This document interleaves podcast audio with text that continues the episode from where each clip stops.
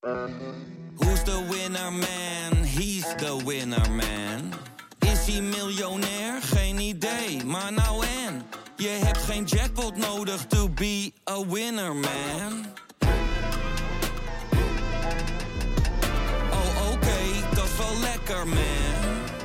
Deze podcast is 100% expertisevrij en alleen geschikt voor amusementsdoeleinden. De inhoud mag niet worden beschouwd als financieel advies. Dit is Jong Beleggen, de podcast. Ik ben Milou En ik ben Wim. en daar zit Paul Wicht, want die is weer bij ons de gast. En hij heeft een hele mooie aflevering voorbereid over ja, geschiedenis eigenlijk. We gaan de geschiedenis in. Ja, beurscrashes. Ja, tulpenmanie, de grote depressie na Dat kan 1929, babbel. Ja. kredietcrisis, Black Swans. En ja, wat kunnen we hier als jonge beleggers van leren? ja, en eh, En over hedge funds hebben we het ook nog. ja, eh, zo. Ik, Ja, ik doe het wel gewoon even voor je. Je hebt alles al gezegd. We gaan beginnen. Ja.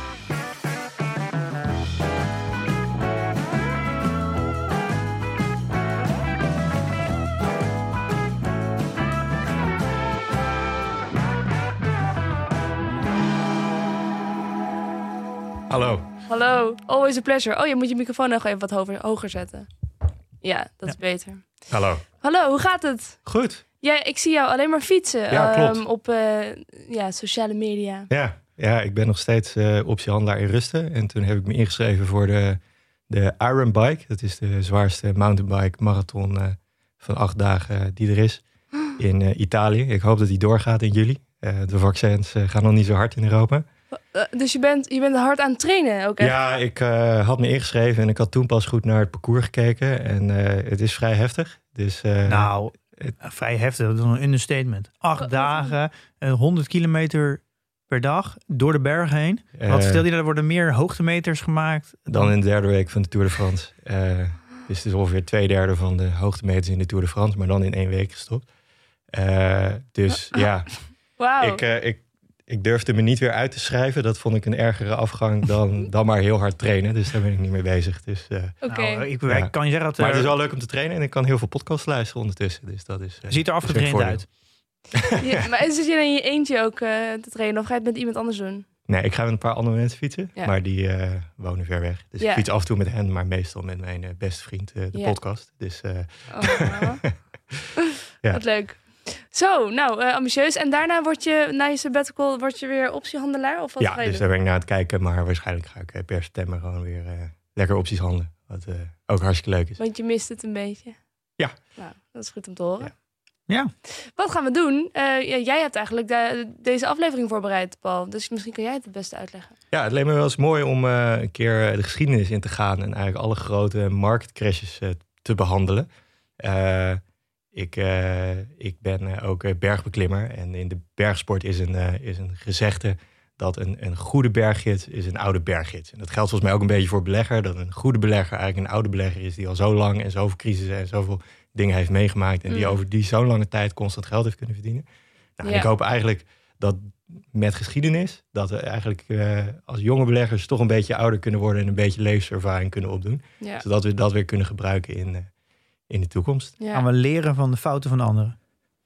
Ja, en fouten van, van de mensheid en de Ja. beleggerswereld eh, in totaal. Want het is vaak eh, altijd een grote verrassing. En achteraf lijkt het allemaal verklaarbaar. Maar Ja. we blijven als beleggingsgemeenschap natuurlijk eh, steeds leren van, van wat er in het verleden gebeurd is. Nou ja, en is ook dat heel zo? vaak Dat weer vraag- dezelfde fouten maken. Precies, Ja. ik, want ik vraag me dat echt af of dat nou dan echt zo is. Of dat we gewoon toch weer telkens vervallen in oude systemen. Bijvoorbeeld ook na de crisis in 2008. Maar goed, Ja. daar zullen we vast allemaal Ja, wel aan ja, misschien is goed om te beginnen dat we eigenlijk eh, langs alle grote beurscrashes eh, van de afgelopen 100 jaar. Ja, En dan pakken we de grootste eruit. Dan pakken we de grootste eruit. Dan Dan, moeten we daarna gaan we kijken van, eh, we komen vaak bubbels tegen. Waarom eigenlijk tegen bubbels ingaan zo moeilijk is. En als we het over crashes hebben, kunnen we ook niet om de Black Swan heen. De Black een mooi Swan, boek dat ja. geschreven is. Dus daar gaan we aan het eindje Ja, dat vind ik zo'n poëtische, mooie titel. Dat heeft me al de afgelopen weken enorm geïntegreerd. Sinds ik weet dat we het hierover gaan hebben. Die Ja. Nassim En het is ook een heel poëtisch boek. Oh, ja? En Nassim Taleb, die heeft volgens mij een serie van vijf geschreven. Ja. Dus niet alleen maar de Black Swan, dat is denk ik de bekendste. Ja. Maar het is, eh, het- er zitten nog vier boeken na, denk ik. Ja. En het is volgens mij hele leuke boeken om te lezen. Oké. En, we eindigen denk ik met eh, wat, we, wat, we, wat kunnen wij daarvan leren? Wat hebben Ja. we eraan? En we hebben nog een interessant nieuwsfeit eh, dat Die- heel erg goed in deze Ja, dat is wel toevallig. podcast past. Wow, cliffhanger. Laten we dan beginnen met denk ik, eh, de tulpenmania. Ja, Je zou hem eigenlijk kunnen noemen als de moeder van alle bubbels. Eh, nou, heel ingewikkeld was het niet, maar ja, tulpenhandel kwam op. Eh, In welke eeuw zijn we op dit We moment? zijn in de 17e eeuw. Ja. En het was eigenlijk vooral heel erg populair onder ja, kleine ondernemers. Mensen met een beetje geld over, maar ook weer niet hele grote investeerders. En die dachten allemaal snel rijk te kunnen worden. Met tulpenbollen. Ja, met tulpenbollen. En ja, de enige reden waarom je ze zou kopen is dat je hoopte dat er in de toekomst een andere gek was die ze voor meer van je wilde, weer van je wilde verkopen. Dus dan, Ja. ja. dat is eigenlijk de enige reden waarom je ze had. En tulpenbollen waren ook meer waard dan een grachtenpand. Maar ja, Ja. ja. het gaat omhoog. En ja, je ziet je buurman rijk worden en dan denk je, oh jee, oh jee. Eh, dus het ging omhoog en omhoog en omhoog. Tot op een gegeven moment niet meer omhoog ging. En eh, ja, toen stortte het weer vreselijk in. We kennen allemaal inderdaad denk ik wel het verhaal uit de geschiedenisboeken. Dus dat je een grachtenpand kon kopen voor één tulpenbol of zo, Ja. weet ik het. Maar eh, wat gebeurde daarna dan? Was het opeens van, nou, nu vinden we tulpen niet meer zo boeiend. Ja, dan op een gegeven moment gaat hij iets minder hard omhoog. En dan denkt iemand, nou, misschien is nu wel het moment om er even uit te stappen. En dan op het moment dat iemand daar uitstapt, dan gaat hij een beetje naar beneden. En dan denkt iemand anders, oh, dan moet ik er ook uitstappen. En dan vervolgens gaat hij naar beneden. En dan wordt het ja, running for the exit. Ja. Ja, dan gaan we met z'n allen door de uitgang. En dan gaan we met z'n allen door de uitgang. dus en die dan, dynamiek eh, is wel echt hetzelfde wat je nog steeds ziet. In die zin zijn we niks En, veranderd. en heel, ja, uiteindelijk zaten er ook niet zo heel veel mensen in. Eh, en ze hadden ook niet heel erg veel sympathie van de rest van de bevolking. Dus op een gegeven moment heeft, eh, is er ook een wet aangenomen om eh, dat, dat rechters en deurwaarders ook gewoon niet meer bezig mochten houden met iets met, dat met tulpenbollen te maken had. Dus het is vooral, eh, heeft het veel impact omdat het gewoon zo'n spectaculair verhaal is. Het is zoiets lulligs, een tulpenbol wat je volgens mij eh, nu voor een paar cent kan kopen, wat ineens de waarde Ja. niet heel hoog zat. En daarmee staat het eigenlijk symbool voor alle bubbels die opkomen. Er zal nooit een bubbel zijn waarbij iemand niet begint over, over de tulpenmanie. Ja, Hm. en eh, ook, je hebt ook op een gegeven moment de This Time It Is Different. Ja, En ja, dat is volgens mij dat de komt meest... natuurlijk altijd terug. Ja. ze zeggen je moet natuurlijk altijd- verdedigen waarom het omhoog gaat. Ja, ze zeggen Ja. dat dat zijn de meest, de, de meest gevaarlijke woorden die je, die je Ja. kan hebben met beleggen. Ja, en als je taxichauffeur over tulpen begint, dan weet je het ook wel. Dus Ja. eh, die had je toen nog niet. Nou, maar wat, wat vind je dan Ja. ervan dat de Bitcoin en GameStop met daarmee eh, eigenlijk wordt vergeleken? Ja, dat, dat kan je natuurlijk altijd alleen achteraf zeggen. Dus ja, op dit moment eh, staat Bitcoin nog heel hoog. Dus eh, ja, dit, je, je zal nooit weten wie, eh, wie er gelijk heeft totdat het is ingestort. GameStop is natuurlijk al ingestort, dus dat was duidelijk een tulpenmanie. Ehm, zal niet alles uiteindelijk instorten? Nou, ik denk, wat ik eerder zei is, als je iets koopt met alleen de reden dat er in de toekomst iemand is die het voor meer van je wil, ver, wil kopen, ja, dan heb je misschien wel met een bubbel te maken. En bij Bitcoin gold natuurlijk wel van, eh, ja, dit is een nieuw betaalsysteem, dit is een innovatieve technologie en dat gaat de bestaande betaalsystemen eh, vervangen. Ja, dat is misschien een goed verhaal waarom het verschillend is. Nou, ik denk dat eh, dat kwam ook een beetje uit jullie Bitcoin-aflevering. Dat het Bitcoin als betaalsysteem toch niet zulke hele goede papieren heeft. Ja. Ehm, maar dat was een paar jaar geleden was het eigenlijk anders. En toen wisten we dat nog niet. En toen was Bitcoin trouwens ook nog niet zo duur. Dus nou, nu maken we een hele grote sprong in de tijd naar 1929. En dat is eigenlijk de moeder van alle beurscrashes. Die, waar- dus we en hadden net de alle- moeder aller bubbels en dit is de moeder aller beurs. ja, en grote economische crisissen die daarna kwamen. En ja. Nou, die volgt op de Roaring Twenties, waar vaak aan gerefereerd wordt. En we hopen dat dat nu ook weer gaat gebeuren. Eh, nou, dan mensen die daar hopen, hopen dat het vooral veel optimisme is en grote feesten. Maar je had natuurlijk ook heel veel nieuwe technologie. Er kwam een telefoon op, mensen kregen een auto. En ja, je ziet ook dat de bedrijven die die maakten, die namen heel erg in waarde toe. Hè? Dus, dus de Dow Jones die steeg toen over vijf jaar iets van 400 400% in waarde. Wat ook gebeurde is dat heel veel mensen gingen beleggen. Eh, want ja, het ging Oh ja? omhoog. Dus, eh, en eh, ja, deze keer was het ook echt anders dan vroeger. Want ja, vroeger toen had je nog geen telefonie en niet al, niet al die technologieën. Dus dat was een goede reden waarom de beurskoersen ook hoger waren. Maar wat ook heel populair was, is eh hefboom-effect, leverage, met geleend geld beleggen. En brokers die gaven toen, dat noem je dan trading on margin, die gingen tot 90% van de waarde eh, van beleggingen gingen ze eh, financieren. Dat betekent dus dat je nou, voor elke euro die je investeert, tien keer zoveel winst maakt dan als je dat anders zou doen. Zo. Maar dat de beurskoersen ook maar 10% naar beneden konden gaan. En dan was je al je geld kwijt. En daaronder, ja, dan ging je heel hard verliezen. Dus dan zorgden die brokers ook wel dat ze voordat dat ging gebeuren, gingen ze automatisch verkopen. Ja. Ja, oké. ja. dus je kon dus, dat was het systeem dat je ook veel meer kon verliezen. Niet alleen je inleg, maar meer dan dat. Of... Ja, Dat, Ja. Als je met geleend geld belegt, dan neem je gewoon heel veel risico. En Ja. dat, eh, dat betekent dat je als je winst maakt, gaat het, eh, met Maar een is- gaat het heel hard. En eh, als je verlies maakt, gaat het ook heel hard. Ja. Maar is dat niet een beetje de, de trend die dus eigenlijk die, die toen al was en er nu nog steeds eigenlijk is? Ja. Is dat moment dat de beurzen heel lange tijd omhoog gaan, dan gaan steeds meer mensen beleggen met geleend geld. Dus de, de hefboom. Er komt heel veel druk op. Mensen Ja. voelen zich steeds veiliger, omdat ja, het gaat de hele tijd omhoog. Dus ja, dan word je steeds comfortabeler met dat. maar dat, is eigenlijk toch een Ja, patroon. De beurs die zakt, die, die gaat zich opbouwen. En op een gegeven moment krijgen mensen steeds meer vertrouwen. Die gaan Ja. steeds meer eh, handelen met geleend geld. En dan dus de, de hefboom wordt steeds groter. En dan op een gegeven moment is er één correctie. En dan mo- moet iedereen, krijgt een margin call. Ja. Eh, iedereen moet zijn onderpand bijvullen. Nou, Ja. dat lukt niet. En dan verkopen, verkopen, verkopen. Ja, en, En dat zorgt en- weer voor meer verkopen. Ja, en zo en- krijg je zo'n een hele crisis. waterval-effect van... Maar dit is eigenlijk iets wat zich gewoon non-stop herhaalt Ja, eigenlijk. dan krijg je een soort paniek. eh, waarbij iedereen zegt, nou, ik moet eruit. En niemand wil meer kopen. En dan valt eigenlijk ook de bodem onder die beurskoersen weg.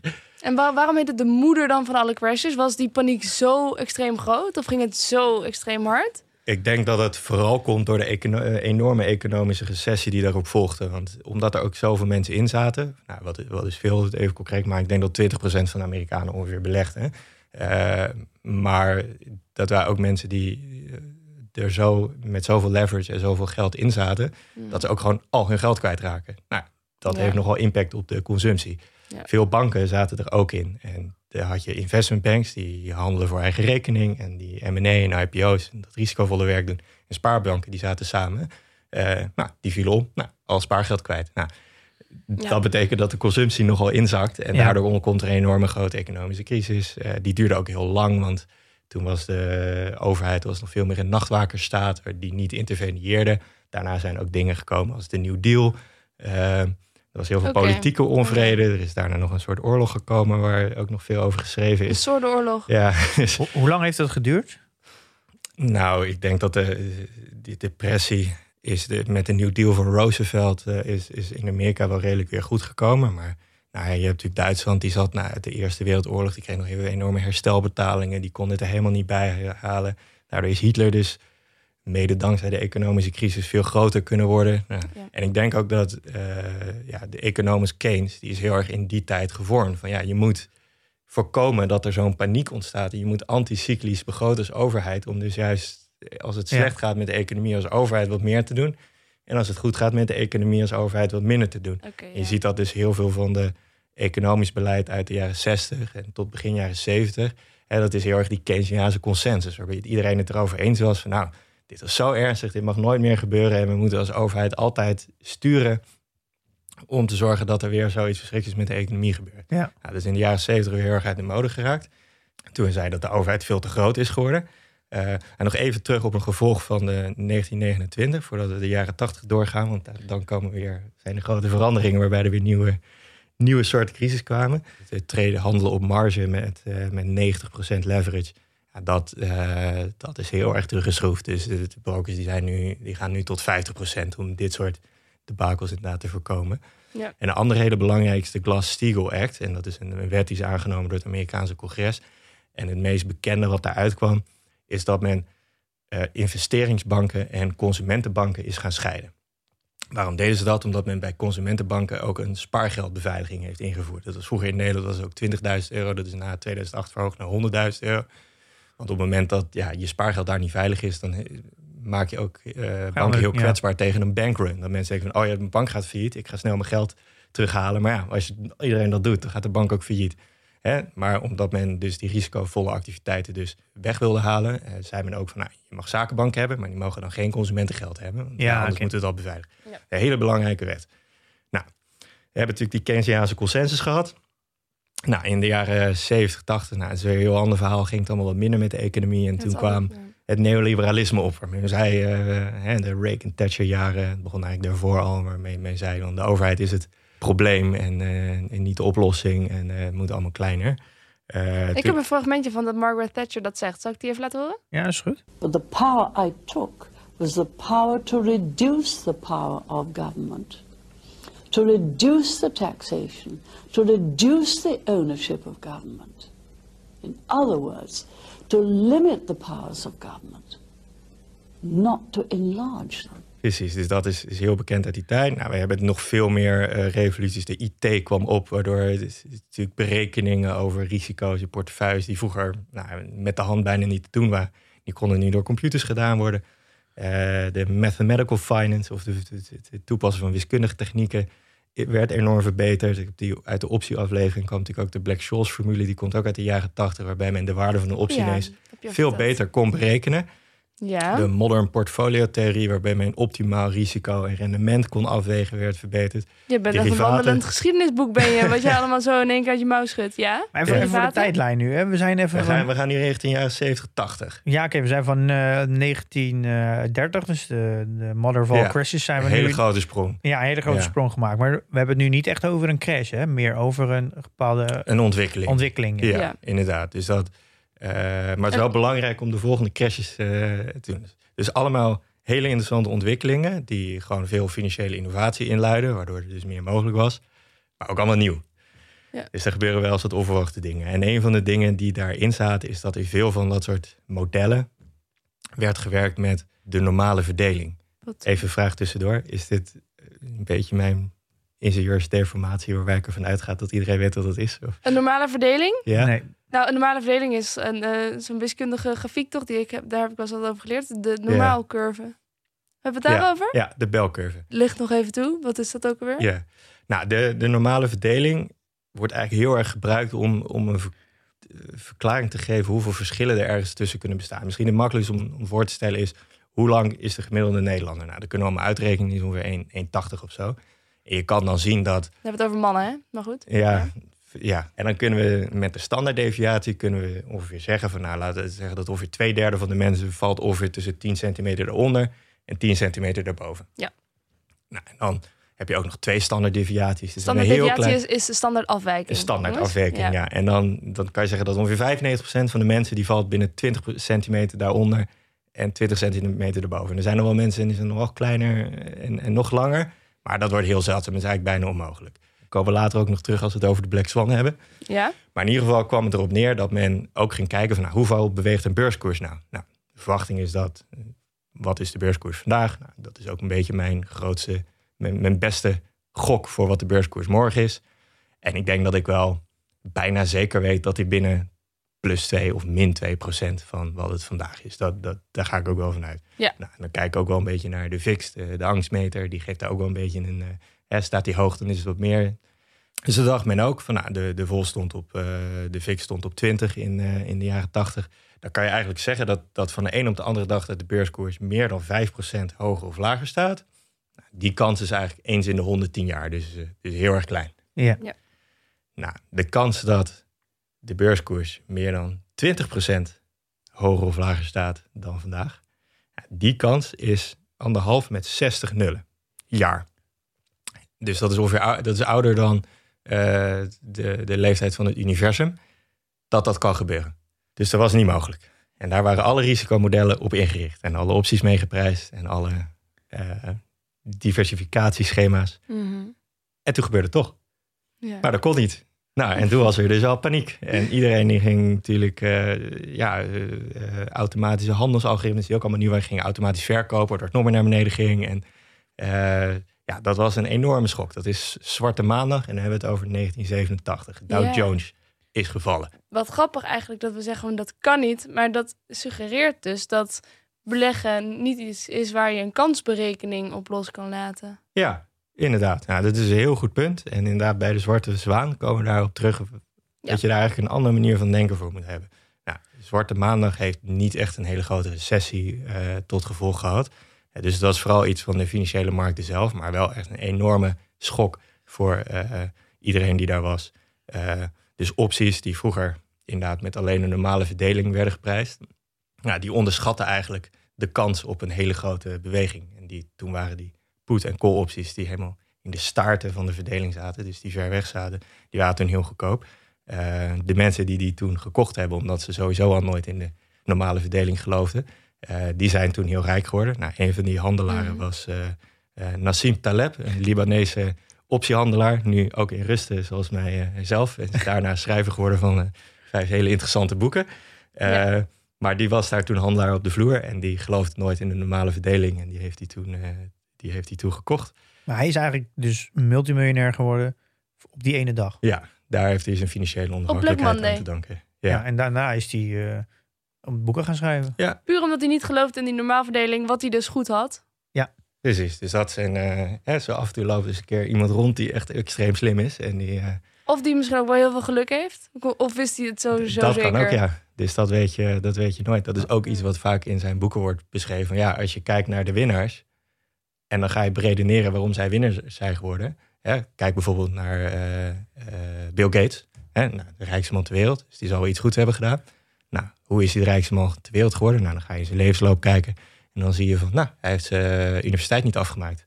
Nou, als ik dat dan ook doe, dan Ja. word ik ook zo rijk. Ja. Nou, dat is dus even een denkfout. Want voor natuurlijk Bill Gates zijn natuurlijk heel veel andere mensen die een universiteit hebben, niet hebben afgemaakt, die niet zo rijk zijn geworden. Eh dus Ben ik daar kan zijn dat hij geluk heeft gehad, maar hij, hij legt wel heel erg goed eh, uit in zijn boeken hoe hij dat heeft bedacht. Dus ik, maar eh, wacht even, want heeft ook zijn universiteit niet afgemaakt. Nee, dus dan zit je me nou te vertellen dat dat niet werkt. Ja, ja, sorry dat voor deze, voor deze hele harde en pijnlijke boodschap. Maar als ik zie hoe je nu met deze podcast bezig bent, is, ben je wel op weg naar Bill Gates. Ja, Ja, ik, ik, nou ja, in principe loop ik er elke dag een beetje naartoe, toch? Ja, ja. Wel een hele lange wandeling nog, maar... Ja. Ja. Maar we- even, om maar even weer even die terug te pakken naar de tijdlijn. Waar zitten we nu? 1987. Ja, er is nog een andere ding wat ook uit die, uit die tijd komt, is dat beurzen nu circuit breakers hebben. Dus vaak als er een grote Oh ja. beweging is geweest, wordt de beurs even stopgezet. Kan iedereen weer tot rust komen en dat heeft even geholpen om de, de paniek wat, wa- wat, Dan wordt wat te verminderen. een half uur stilgelegd, toch? Of zo? Ja, dat verschilt per beurs. Ze Ja, hebben allemaal wat anders en tijdens andere corona een paar keer gebeurd, hè? Tijdens corona gebeurde dat heel vaak, ja. Ja. Maar dit zijn... Black Monday is ja, in die zin relatief klein vergeleken met eh, de, het slagveld dat 1929 heeft aangericht. Maar wel een hele leerzame voor risicomodellen, voor derivaten, voor IT-systemen en dus voor beurzen om dat dus beter te doen. Nou, Ja. Twee jaar later is de beurskoers ook wel weer volledig hersteld hiervan. Dus wat dat betreft niet zo niet zo'n slagveld als die, eh, die Nee. andere. Nou, toen is daar nog een, eh, een crash tussendoor gekomen. Ook een relatief kleiner, maar wel een, een, interessante gegeven het, eh, het nieuws wat we hebben. Nou, de jaren tachtig zijn ook een beetje de tijden van de financiële wiskunde. Eh, toen zijn ook eh, Nobelprijzen voor de economie gingen naar natuurkundigen die zich met eh, derivatenprijzing bezighielden, zoals Black en Scholes. Ja, we zeggen, dat heb je de vorige keer dat je het Ja, over Het is ook de tijd van de hedge funds. Nou, wat, wat, is, wat is precies een hedge fund? Dat is eigenlijk gewoon een soort vermogensfonds. Maar die gebruiken geavanceerdere technieken dan de meeste vermogensbeheerders... die vaak alleen long only, dus gewoon alleen long aandelen en lang vasthouden. Hedge funds, daar mag je alleen in investeren op het moment dat je een soort bepaald vermogen erin legt. Dus vanaf een miljoen of vanaf vijf miljoen. Dus daardoor eh, vallen ze buiten de normale regulering en mogen ze veel risicovollere technieken doen. Dus zij doen vaak dingen als het ene aandeel long gaan en het andere short gaan, zodat ze die tegen elkaar weg kunnen strepen. Nou, een hele bekende in de jaren tachtig eh, was eh, Long-Term Capital Management. En die hadden ook een aantal van die Nobelprijswinnaars aan het roer staan. Dus nou, daarmee kregen ze natuurlijk, eh, dat was natuurlijk Ja. voor de verkoop was het heel goed. En dit was zo'n hedge fund? Dit was zo'n hedge fund. Heel Eh, even nog tussendoor, want je vertelt het alsof het logisch is. Maar dus als je meer geld hebt, dan mag je dus ook meer doen. Want een vermogensbeheerder heeft misschien niet zo dat je zoveel moet inleggen. Maar een hedge fund mogen ze heel veel inleggen. En dan mogen ze dus, ja, dat, ze dat zijn wetten die proberen consumenten een beetje te beschermen. Ze gaan ervan uit dat iemand die 5 miljoen kan investeren... wel iets beter financieel onderlegd is dan eh, iemand Nou, dat die vind ik misschien nogal 100 een euro eh, aanname om te doen heeft. eigenlijk. En dat er staat ook veel meer op het spel, lijkt mij. Namelijk Ja. nog, Dat klopt. Met name, kijk, als die miljonairs zelf hun geld verliezen...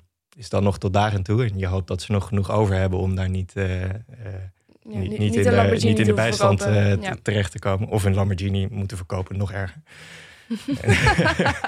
Eh, maar in dit geval was het hedge funds zo groot geworden... eh, omdat ze namelijk in de eerste jaren ook 40% eh, rendement maakten. Dus ze werden nogal populair. Dus iedereen wilde aandelen in dat hedge fund. Dus ze hadden ook steeds meer geld te beleggen... waardoor ze hun positie steeds groter moesten maken ook dat hedge fund eh, geloofde heel erg in een normale verdeling. eh, wat die, eh, dus die gingen niet uit van ja, grote bewegingen. Die kunnen we eigenlijk negeren. Dat zit daar vaak wel in, want dat maakt niet uit. Mhm. Maar toen was er een of andere roebelcrisis in Rusland. En toen in één keer ging een van die strategieën, die, die blies op.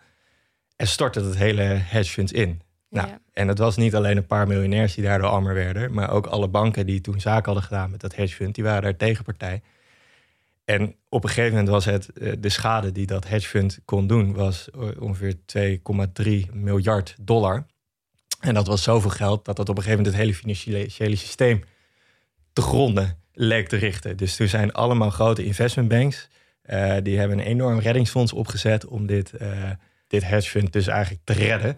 Eh, om daarmee een, het, een instorten van het financiële systeem eh, te voorkomen. Bijna Too alle grote. veel. Ja, eigenlijk wel. Ja. Dit was de eerste waarschuwing daarvoor. Eh, het kwam daarna nog een keer wat groter terug. Eigenlijk alle grote investeringsbanken, alle grote zakenbanken hebben daaraan meegedaan. Alleen Bear Stearns, die zei van ja, we doen niet mee. We, we gaan wel freeriden op wat die andere investeringsbanken doen. Dat zijn die andere investeringsbanken overigens niet vergeten. Dus dat komt Bear Stearns nog een keertje tegen.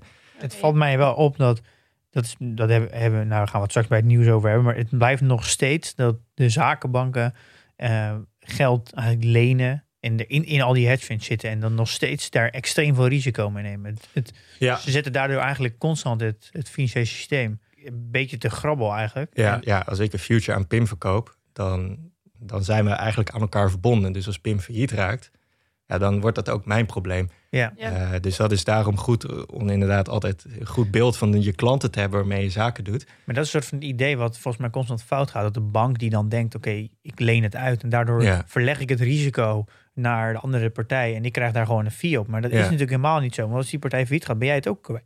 Precies. En dat, eh, daar zijn natuurlijk wel verzekeringen voor. Maar ja, je ziet dat na een crash is iedereen altijd heel voorzichtig. Maar daarna nemen mensen ook steeds meer risico. En een andere ontwikkeling die in de jaren tachtig eh, plaatsvond... en die ook weer eigenlijk de, de, de volgende paar crisissen inluidt...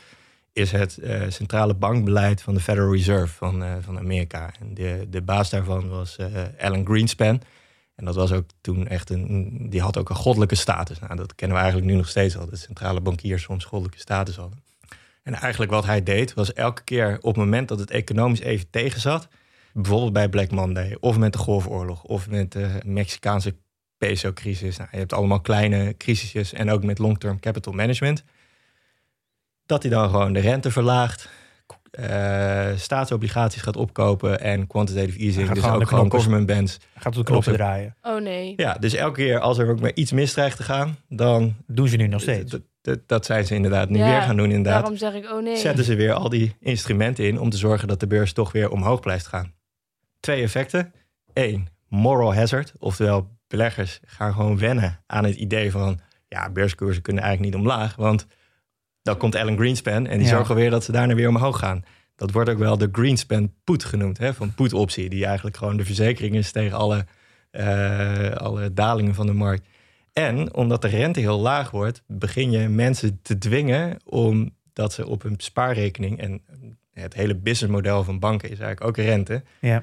omdat die zo laag wordt, om steeds meer risicovolle activiteiten op te zoeken om nog Oh, iets van rendement nee. te halen. Het is natuurlijk allemaal in de jaren negentig, maar het zou, het zou nu verteld kunnen worden, zou ik bijna zeggen. Ja. Beurskoers is toen wel, eh heeft wel wat tikken gehad, maar niet, eh, niet iets heel serieus. eh. dus ja, het zal Ja. wel even vervelend zijn. Maar dit, dit was vooral een, is het wel goed dat hedge funds zo groot kunnen worden dat ze het hele financiële systeem kunnen bedreigen. Ja. En eh, ja, daar is concreet niet zo heel veel mee gebeurd, want daarna, eh, hè, we hebben 2008 moet nog komen. Want we, gaan nu eh, eh, meer richting het nu. Ja, Eh, we Ik komen nu steeds eigenlijk langs bezorgder de... te raken Ja. naarmate we verder praten. volgens mij eh, dan is denk ik de volgende. Als we, je had net 2008, maar daarvoor zit natuurlijk nog een eh De dotcom de bubbel. dotcom. Ja. We hebben weer over een bubbel. Ja, precies. Eigenlijk een hele klassieke bubbel. Eh, ook gewoon wat je ziet bij een nieuwe technologie. Eh, er komt een nieuwe technologie op. Heel veel bedrijven starten erin. Dat was toen de IT, informatica. Dat zou alles veranderen. Eh, het businessmodel van veel die, van die bedrijven leek ook heel erg op elkaar.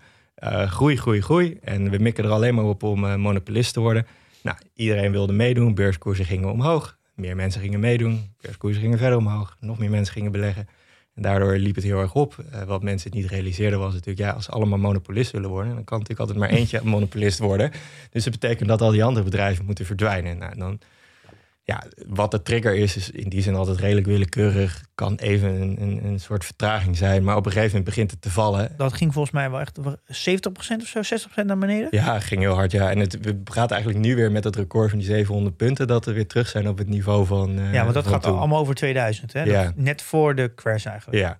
Nou, is de, eh, ja, de mensen die erop verloren waren eigenlijk vooral eh, speculanten. We zien inderdaad dat een aantal bedrijven uit die tijd... Die zijn ook hartstikke goed, hè. Amazon, Microsoft, eh, Apple bestonden toen allemaal al. En dat zijn inderdaad die paar, producten, eh, paar bedrijven geworden... die wel monopolist zijn geworden. Nou, en- maar ja, dat- zo'n bubbel trekt natuurlijk ook allemaal foute bedrijfjes aan. Ja. Je hebt eh, een tijdje gehad dat mensen niemand meer informatica wilden studeren. Oh, de ja. IT in het algemeen is, is gewoon een tijdje minder daar nog wel, populair geworden. Video's herinneren dat er werd gezegd dat het internet is een fraud en zo. Ja. Dat, het, dat het echt werd belachelijk werd gemaakt. Ja. Zo van dus het in die zin, wel ja, over. eigenlijk, this time is different. Het 5G klopt allemaal wel. En internet is heel groot geworden. Een aantal bedrijven daarvan zijn inderdaad enorm dominant en heel veel waard geworden. Eh, maar je weet nooit van tevoren welke van die bedrijven dat zijn. Maar dan Dus dat trekken is we dat even naar, naar het nu. Eh, vind jij dat er nu een bepaalde bubbelvorming is wat vergelijkbaar is met dotcom? Nou, ik denk niet vergelijkbaar in grootte, maar het is natuurlijk wel met, met, dit- met duurzaamheid zie je iets vergelijkbaars. En ja, tuurlijk, duurzaamheid wordt heel belangrijk en clean energy en dat, dat gaat worden. Maar je weet niet welke van die bedrijven zo groot gaat worden. Dat is, dat is gewoon een hele grote vraag. Ja. Kan En ook daar zomaar leek even een beetje een bubbel te zijn. Die is nu alweer gecorrigeerd. Dus het heeft niet dat soort vormen Ja. aangereid. Maar in die zin is het gewoon klassiek. Er is een nieuwe technologie. En die nieuwe technologie die gaat inderdaad de wereld veranderen. Nou, daar ben ik ook wel van overtuigd. Je weet alleen niet... eh, Je weet niet wanneer en wie. Want het kan Nee, zomaar en, 20 en hoe, jaar dat, hoe dat ook zit. Bijvoorbeeld, nou, kijk bijvoorbeeld naar Tesla. eh, die, eh, die lopen al een beetje voor. Die is enorm veel waard geworden. Maar is, ja, de waarde daarvan zou heel erg impliceren dat het ook een monopolist gaat worden. Ja. Maar ja, je ziet nu dat bijvoorbeeld Volkswagen, waar mensen denken van, nou, die beginnen nu ook wel best aardige elektrische auto's te komen. Nou ja, dan moeten ze de markt inderdaad gaan verdelen. En misschien wordt Tesla niet een soort Amazon die ongeveer alles opslokt. Maar ja, vinden mensen het prettiger om eh, allemaal in een soort unieke eh, auto te rijden, omdat het ook een soort persoonlijke expressie is. Ja, En dan wordt Tesla een van de Statussymbool. vele. Dat, Ja. dat zou best kunnen. En dan is het de huidige beurskoers niet waard. Want is het, jij hebt natuurlijk in, je zit in eh, volgens mij de Clean Energy ETF. Ik weet niet of je Ja. er nog steeds in zit. Ja, dat is Ja. niet mijn belegging, de beste belegging van dit jaar. Maar volgens in mij, die is- die heeft 2020 wel- eh, was die wel heel goed. Die ja. heeft volgens mij wel een correctie gehad, denk ik. ja, maar daarom heb ik ook nooit al mijn geld erin gezet. Nee, maar Dus, dat, dat eh, hoort er een beetje bij natuurlijk. Als het ja. hard gaat, dan gaat het weer naar Ja, beneden. dus dat, eh, dus, eh, maar ja, dit, het, het narratief van de, de valt daar ook wel een beetje onder. Ja. En er zullen best wat in die ETF's zitten die eh, eh, over een paar jaar heel groot zijn worden.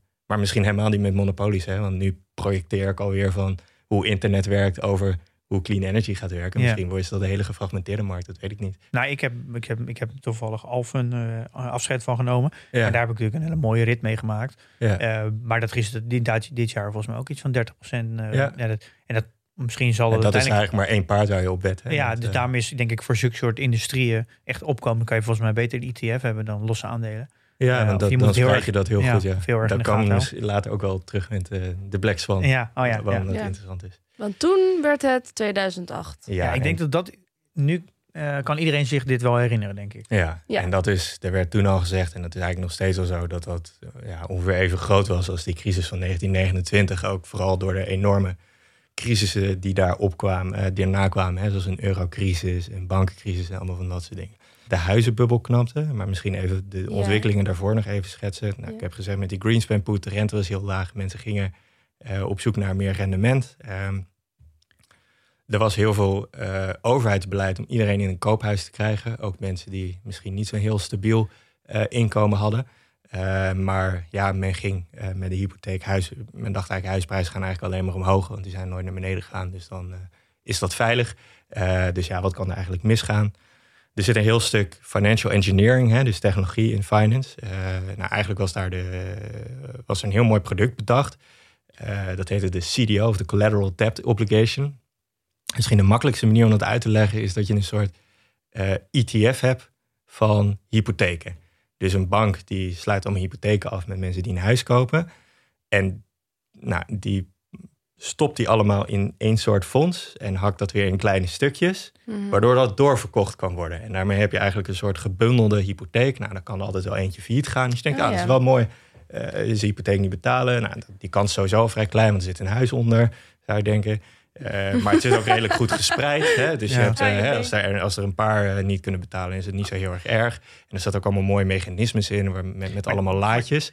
Maar dit is een samenvatting eigenlijk van eh de The Big Short, toch? Ja, Big Short is inderdaad een, een, een film die, dat, eh, die een paar van die Ja. beleg, eh, die, die dat heel mooi beschrijft. Die Maar ik had het een vergelijking uit. met de ETF. Want ik snap natuurlijk als geen ander wat een ETF Jij bent is. eigenlijk Miss ETF. Iedereen ben zegt dat je. Podcast bent, maar Miss ETF. Klopt. Inderdaad, is dat Dus, oh, eh, nee, maar ja. nee, dus ik, ik, eh, ik snap nu, dit vind ik wel, dit makes sense. Heb je de ja. Big Short wel eens gezien? Want je, ja, zeker. Ja. Eh, maar Paul kan het beter. En wat daar ook uitleggen. nog bij, eh, bij zat, is dat eh, je hebt die CDO's waren dan geen aandelen, maar een soort obligaties. En obligaties krijgen altijd een rating. En er zijn eigenlijk drie grote bureaus, dat zijn Fitch, Standard Poor's en Moody's, die die rating geven. En dan, nou, AAA was heel erg veilig. En dan junk status was nou, een, een D of een B.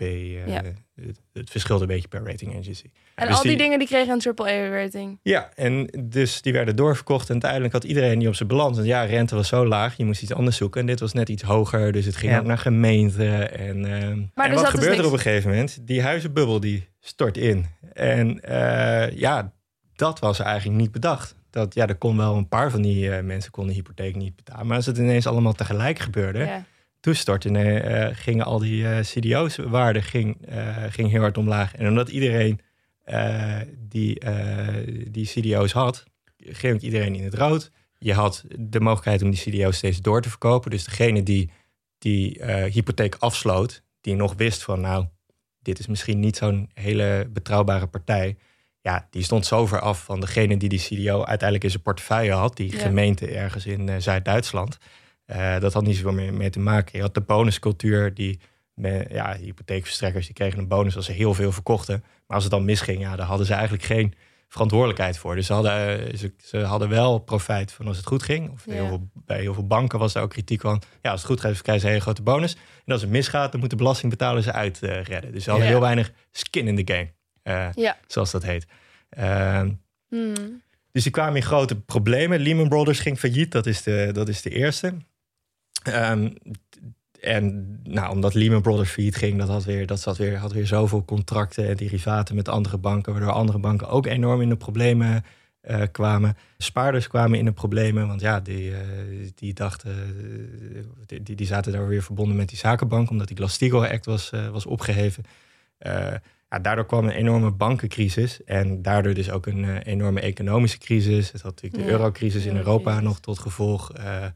Eh, eh, heel veel ontslagen. En eh, ja, wat, wat is er gebeurd? Nou, er is heel veel regulering toegevoegd. Dus het wordt veel minder, minder makkelijk om hypotheken te verstrekken. Eh, banken moeten veel meer hypotheken zelf aanhouden, zodat ze ook verantwoordelijk zijn voor eh, als het een keer misgaat, dan voelen Ja. ze dat ook zelf in een portefeuille.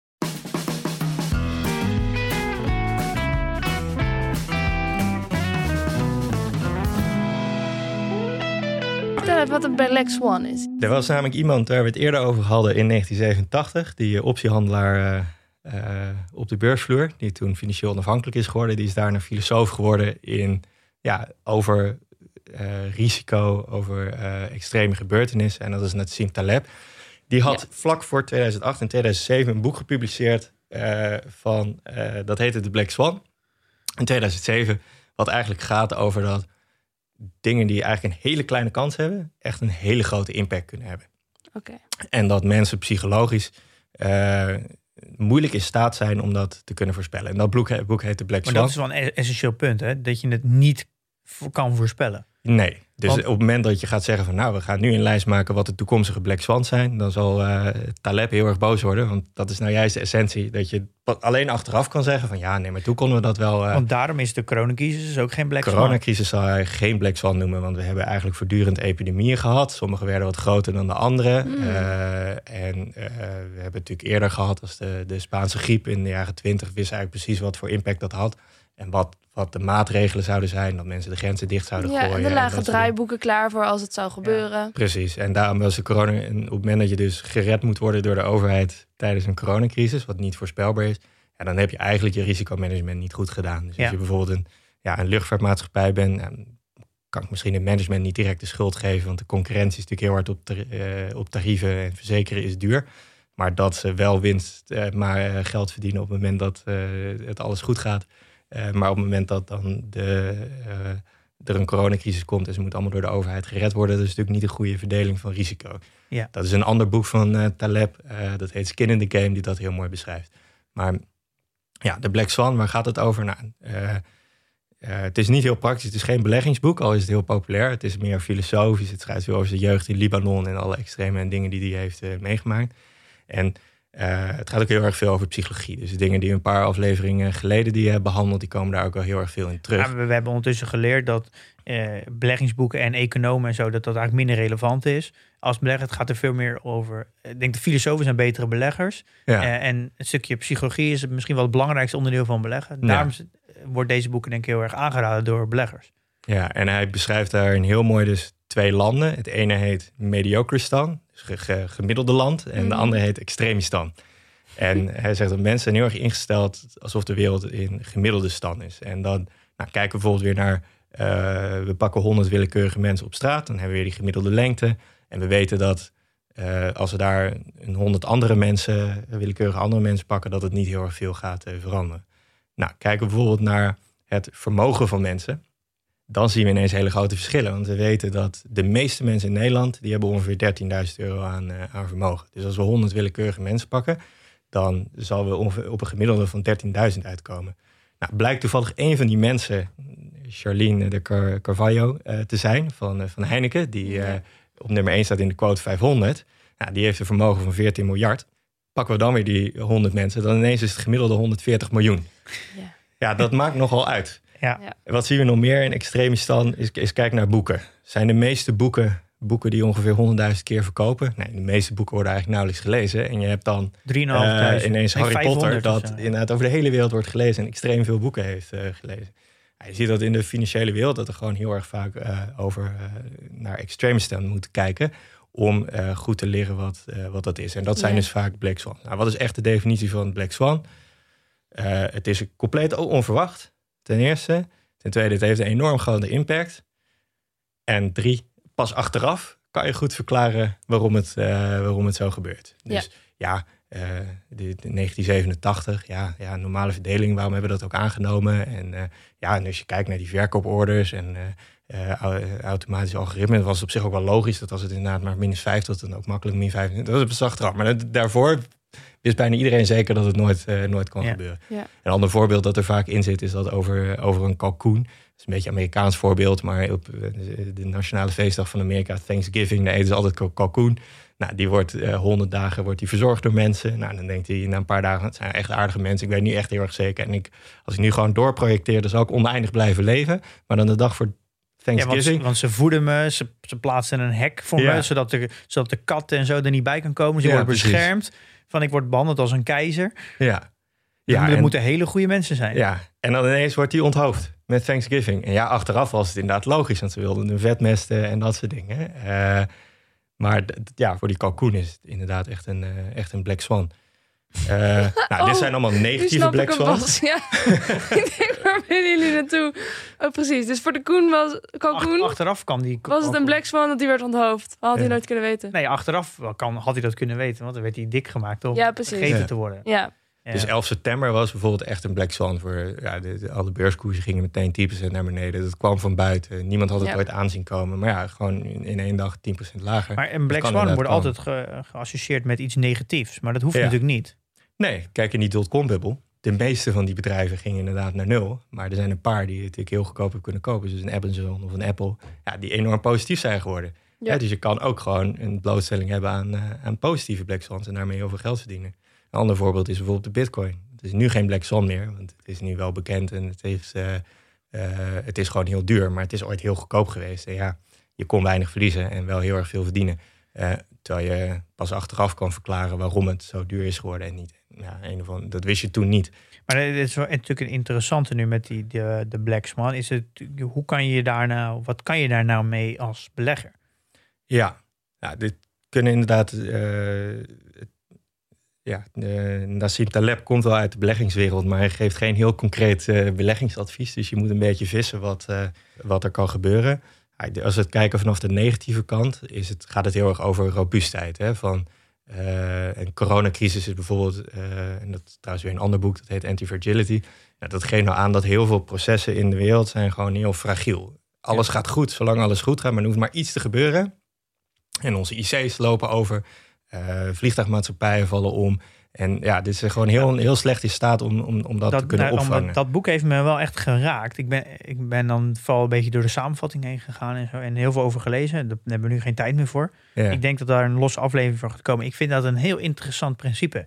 Ja. Uh, hoe, je, hoe kan je nou als bedrijf je zo, zo organiseren, zodat je uh, ja, eigenlijk uh, ja, en wat is het, uh, anti-fragile blijft. Ja, Musk is heel erg uh, fragiel in die zin. Hè? Zonder, ja, zonder het idee of het, ja, dat als Mars niet lukt, of dat elektrische auto's het niet worden en dat er een of andere technologie, is het niks meer. Terwijl ja, Jeff Bezos, ja, weet je, die heeft nog een miljoen andere dingen die hij zou kunnen doen. Het komt er bij Tesla basically op neer. Als de zelfrijdende auto niet komt, is Tesla niks meer waard. Ja, daar gokken ze eigenlijk volledig op. En dat is bij Amazon natuurlijk niet zo. Die... Nee, als streaming niks meer is, ja, ja. is jammer, maar ja, dan heeft hij altijd een Whole Foods. Hè? Dus dat probeer niet te kijken van ja, dingen die mis kunnen gaan. Het is maar een hele kleine kans. De kans dat het gebeurt zal je als mens altijd onderschatten.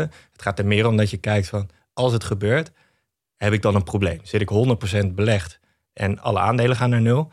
Ja, uh, kom uh, ga ik dan honger lijden? Nou, dan ben je dus niet Black Swan proof.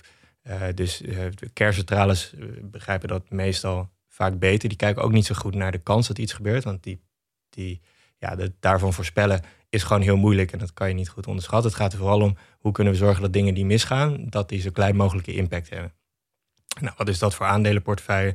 Die zegt bijvoorbeeld 85% stop je in obligaties, zodat dat gewoon heel veilig is. En dan uh, 15% stop je in extreem uh, risicovolle uh, aandelen. Want ja, daarvan heb je positieve black swans. Dus die kunnen 10.000% omhoog gaan en de meeste gaan naar nul. En dan heb je een hele Black Swan-proof uh, portfolio. Een andere manier, uh, volgens Taleb, daar had hij in The Economist een heel erg grote discussie op. Zit je wel groot in aandelen met een groot deel van je vermogen, verzeker je dan ook gewoon tegen grote macro-koersdalingen en koop gewoon put-opties. Dat kost je gewoon elk jaar geld, als het goed gaat. Maar als je een crash hebt, dan zit je daarin ook gewoon veilig. En dat is waarschijnlijk ook hoe die door 1987 heen gekomen is. Doordat hij gewoon heeft gezegd, nou, ik vind het prima om gewoon een paar duizend euro per jaar te betalen om geen geld te verliezen op het moment dat alles uh, heel hard naar beneden gaat. Ja, een soort schokdemper. Ja, inderdaad. En dat, dat kost je wel een beetje geld. Maar ja, je, je, je huis verzeker je ook tegen brand. Omdat je daarna meteen uh, failliet bent. En je gaat geen huis verzekeren om geld te verdienen op die verzekering. Dat is helemaal niet je bedoeling niet. En daar moet je gewoon ook een beetje kijken naar wanneer uh, opties goedkoop zijn. Die zijn nu bijvoorbeeld wel redelijk duur na afgelopen jaar. Maar als ze wat goedkoper zijn, kan je dan een lange termijn uh, optie kopen. Oké. Oké. Zo. Ja, een goed stuk, goed stuk geschiedenis. Ja, ik raakte op een gegeven moment wel een beetje dus uh, bang. Moet ik dus toegeven. Want omdat je gewoon wel parallellen ziet met dingen die vroeger mis zijn gegaan. Obligaties opkopen, rente laag. Gewoon, wat hebben we nou geleerd? Ja, ik denk twee dingen. Eén uh, is dat je gewoon heel erg, dat je niet te veel moet proberen te voorspellen wat er mis kan gaan. Maar dat je wel altijd weet dat er iets mis kan gaan. En uh, dat je voorbereidt op uh, dat je dat wel kan overleven, zou ik maar zeggen. En dat je jezelf in die zin robuust maakt. Dus veel beleggen met geleend geld maakt je gewoon heel fragiel. Uiteindelijk zijn alle crises zijn we uiteindelijk weer te boven gekomen. We zijn nu ja. bijna ja, year to date, uh, of uh, we zijn de all-time high eigenlijk uh, ja. in bijna elke beurs. Er komt er eigenlijk een beetje op neer als je niet met geleend geld belegt. Je gaat goed gespreid en je, gaat, je, je, je herkent goed je risico's. Je doet een beetje soms wat cash of misschien wat minder risicovolle aandelen, wat obligaties. Dan zit je eigenlijk gewoon altijd goed. Ja. Goed. Al met al, wees geen kalkoen. Dat lijkt me de boodschap van deze aflevering. Dat is een gevederde, gevleugelde episode zo lijkt me. Met zwanen en kalkoenen. Ja, inderdaad. Ja, zo. Ja. En uh, ja, ik heb een koala op mijn shirt. Paul heeft een vos. Wat heb jij? Ik heb een leeuw in me.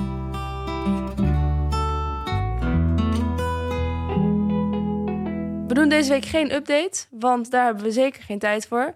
Uh, wel willen we natuurlijk weer alle nieuwe vrienden van de show bedanken voor het aansluiten. Een berichtje van Bouke, hij is een IT-nerd, zegt hij. Als argument extra voor de meiden ben ik gisteren gestart met het beluisteren van de podcast. Uh, te abonneren. en te doneren en mijn de Giro-account af te stoffen. Onze dochters zijn 14 en 15 jaar en komen uit China. Ik ben sowieso erg geïnteresseerd in Azië en in duurzaamheid, dus daar zal ik naar kijken in mijn beleggingen. We hebben toch even een, eh, een nieuwe vraag Ja, van de show. leuk. Welkom, eh Bouke. Welkom. Ehm, en dan gaan we naar het nieuws. En jullie hebben al een paar keer gehint dat er iets belangrijks eh, of interessants gebeurd was. Ja, nou, we hebben, er zijn wat koppen geweest over dat er een, eh, een hedge fund omgevallen is. En dat bepaalde banken daar een eh, enorm verlies op hebben geleden. Nou, dit klinkt heel erg als de long-term capital management eh, die we in de eind jaren 90 hebben gehad. Eh, niet zo groot, al weten we nog helemaal niet wat er precies allemaal staat te gebeuren. Maar de, de systematiek is toch exact hetzelfde? Ja, Het klinkt heel erg als banken die heel erg moeite hebben om rendement te halen vanwege de lage rente. Eh, steeds meer zaken doen met partijen die niet zo'n heel vlekkeloze reputatie hebben. Eh, dit hedge fund is opgericht door eh, Bill eh, Wang. Ik weet niet of ik dat goed zeg. Dat is een Tiger Cup. Je hebt een hedge fund dat heet Tiger Management. En eh, eh, er zijn heel veel ja, medewerkers daarvan. Die zijn zelf daarna ooit succesvolle hedge funds eh, Maar begonnen. hij heeft toch zijn vergunning is toch een keer afgepakt al? Hij heeft al eh, een reputatie van ja. dat hij erg scherp eh, aan de wind zeilt met eh, bepaalde regulering. En ook hier heeft hij zichzelf geen hedge fund genoemd, maar een family office. Nou, normaal zijn family offices vrij saaie beleggingsinstellingen. Eh, maar de strategieën van eh, dit family office eh, hadden daar niks mee te maken en waren hartstikke risicovol. Net als lo- eh, long-term capital management, ook long-short Maar strategieën. wat het verhaal eigenlijk toch hier is dat hij heeft aan verschillende zakenbanken eigenlijk een soort van geld geleend. Zonder dat die zakenbanken onderling van elkaar wisten dat hij dat geleend had. Waardoor hij uiteindelijk een extreme hefboom had. Ja, Eh, hij heeft futures in... in, eh, in eh, eh, hij handelde in CFD's toch? Eh, en waar- Ja, die- en die futures en CFD's lijken wel een beetje op elkaar. Maar Ja. uiteindelijk komt het erop neer dat je, dat je aandelen op marge doet. Hij heeft hetzelfde aandeel gekocht ja, via een derivaat dan. Maar daardoor stond hij dus niet geregistreerd dat hij ook aandeelhouder was. En dat was ook, niemand Ja, wist het van tevoren. Daardoor stond hij niet geregistreerd. Hij had eh, bij vijf of zo zakenbanken hetzelfde aandeel gekocht. Waardoor hij allemaal dacht, nou, zijn positie is niet zo groot. Maar ja, als je dat bij vijf banken tegelijk doet, is de positie vijf keer zo Want groot als dat je dan dat nu ziet. komt natuurlijk het interessante. Want hij zat dus in heel veel verschillende bedrijven zoals Shopify, eh, Baidu, dat is de Ja. Chinese zoekmachine, Tencent en eh, Discovery Com- Communications en eh Viacom van de C- CBS. En dat die, volgens mij is het eigenlijk, want het zijn allemaal bedrijven die heel hard zijn gegroeid, echt honderden procent de laatste tijd. Dus Ja. het is heel vragen, hoe kan dat nu zijn gebeurd? Want die zou zeggen, dat gaat normaal als de boel naar beneden gaat. Maar via Viacom, dat is eh, volgens mij een soort van streamingplatform in Amerika van de CBS. En die, heeft, die is zomaar een paar honderd procent gestegen door de coronacrisis. En die heeft aangegeven dat ze een, een aandelenemissie gingen doen. Ehm, en eh, omdat ze dus eh, 3 miljard wilden ophalen. Nou, beleggers waren daar dus niet blij mee. En volgens mij zakte door die aandelenemissie de koers met 15 procent. En daardoor kreeg dus de, deze hedge fund dus eigenlijk een margin call van een van de zakenbanken. Ja. En daardoor ging de andere zakenbank moesten ze ook mee. Ja. En dat zorgde eigenlijk voor dat dus al die aandelen die hij eh, bezit, eigenlijk allemaal naar beneden gingen met 30, 40 procent. En, ja, en dan nu krijg je weer zo'n waterval-effect van het ene zorgen voor de andere. Maar ja, hij zijn strategieën waren long-short. Dus dat betekent dat je het ene aandeel long gaat en het andere short. Eh, je verdient dus geld als die, eh, ja, je neemt de positie in als de aandelen wat uit elkaar lopen. En je hoopt dat ze weer dichter bij elkaar komen. Wat zijn exacte posities waren, dat, dat is volgens mij ook nog niet bekend.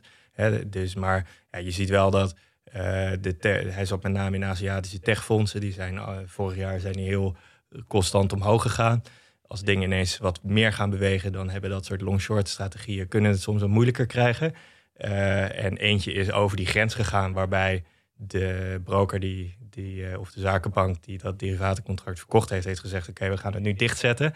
Eh, want dit, ja, dit komt ook weer dat hij gewoon heel erg grote hefboom had. wat hedge funds dus vaak doen. Nou ja, en op het moment dat dus via margin call stukken verkocht moeten worden, ja, dan gaat het ook snel en agressief.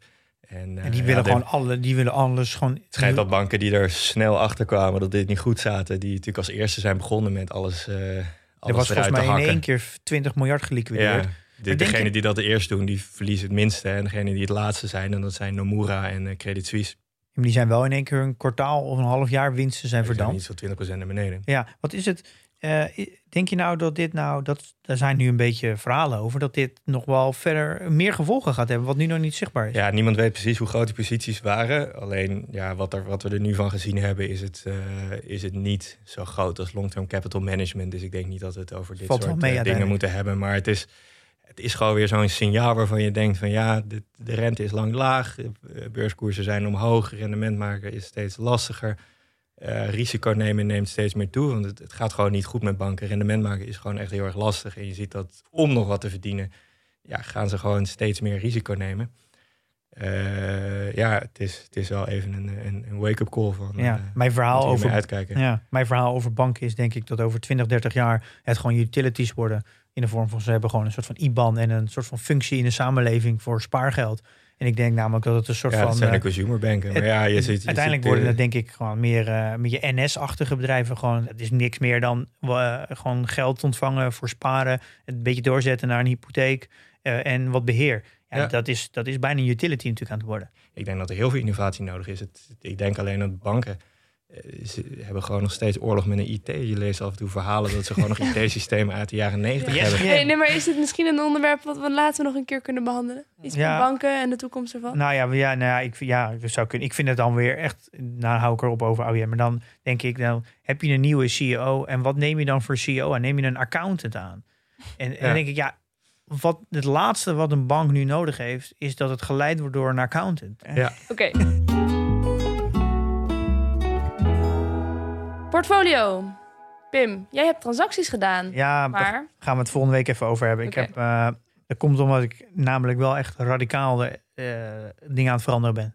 Eh, ik merk gewoon dat ik te lang stilsta. Ik heb vorige keer ook verteld dat ik het steeds meer moeite mee heb dat het ook publiek is. Ja. En ik, ik ben me daar een beetje overheen aan het zetten. Ik zit zo diep onderin dat ik eigenlijk denk, ik weet eigenlijk helemaal niks. En waar ben ik mee bezig? En dat ik, ik moet me gaan vastpakken om daar weer een beetje uit te klimmen.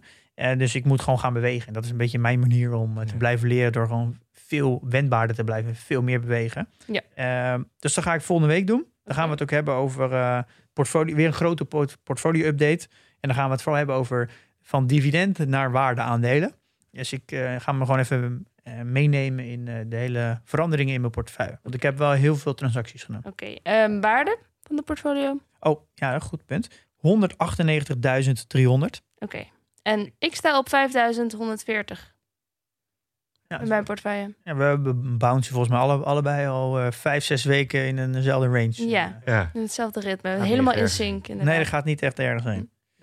Oké, we krijgen vijf sterren van DDBNYC. Sinds corona helemaal in de podcasts. Eén van de betere is deze, Jong Beleggen. Heerlijk duo. Ondanks mijn wat hogere leeftijd hoor ik in deze podcast weer terug... wat ik 25 jaar geleden al van mijn vriend de verzekeringsman hoorde. Keep it simple. Als je het niet snapt, verdient er iemand iets aan je. Mooiste compliment van mijn kinderen. Papa, ik zag dat je Jong Beleggen verslindt. Moeten wij ook niet? Ja, beleggingsrekening geopend, jong geleerd, oud gedaan. Keep up the good work. Ga zo door. Nou, heel leuk om te lezen. Bedankt.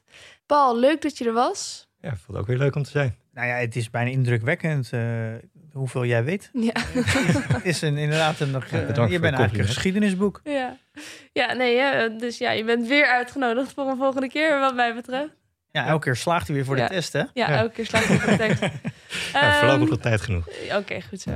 Eh, succes met trainen voor eh, de fiets. Wanneer heb je die eh, tocht? Eind juli. Eind juli. Ik hoop heel erg dat die doorgaat. Dus Oh ja, corona opschieten met natuurlijk. prikken. Spannend. Ja, Ja. inderdaad. Goed, eh, nou, volgende week, Pim heeft het al gezegd, we gaan het hebben over eh, ja, zijn portfolio-update. Van dividend naar waardeaandelen. Kunnen die van jou ook nog even meenemen? Kunnen voor mij ook nog even Heb jij meenemen? nog wel plannen om eh, dingen te wijzigen? Ik zal er even over nadenken. Ehm rest ons nog één ding. Investeer in je kennis. Een beleg met beleid.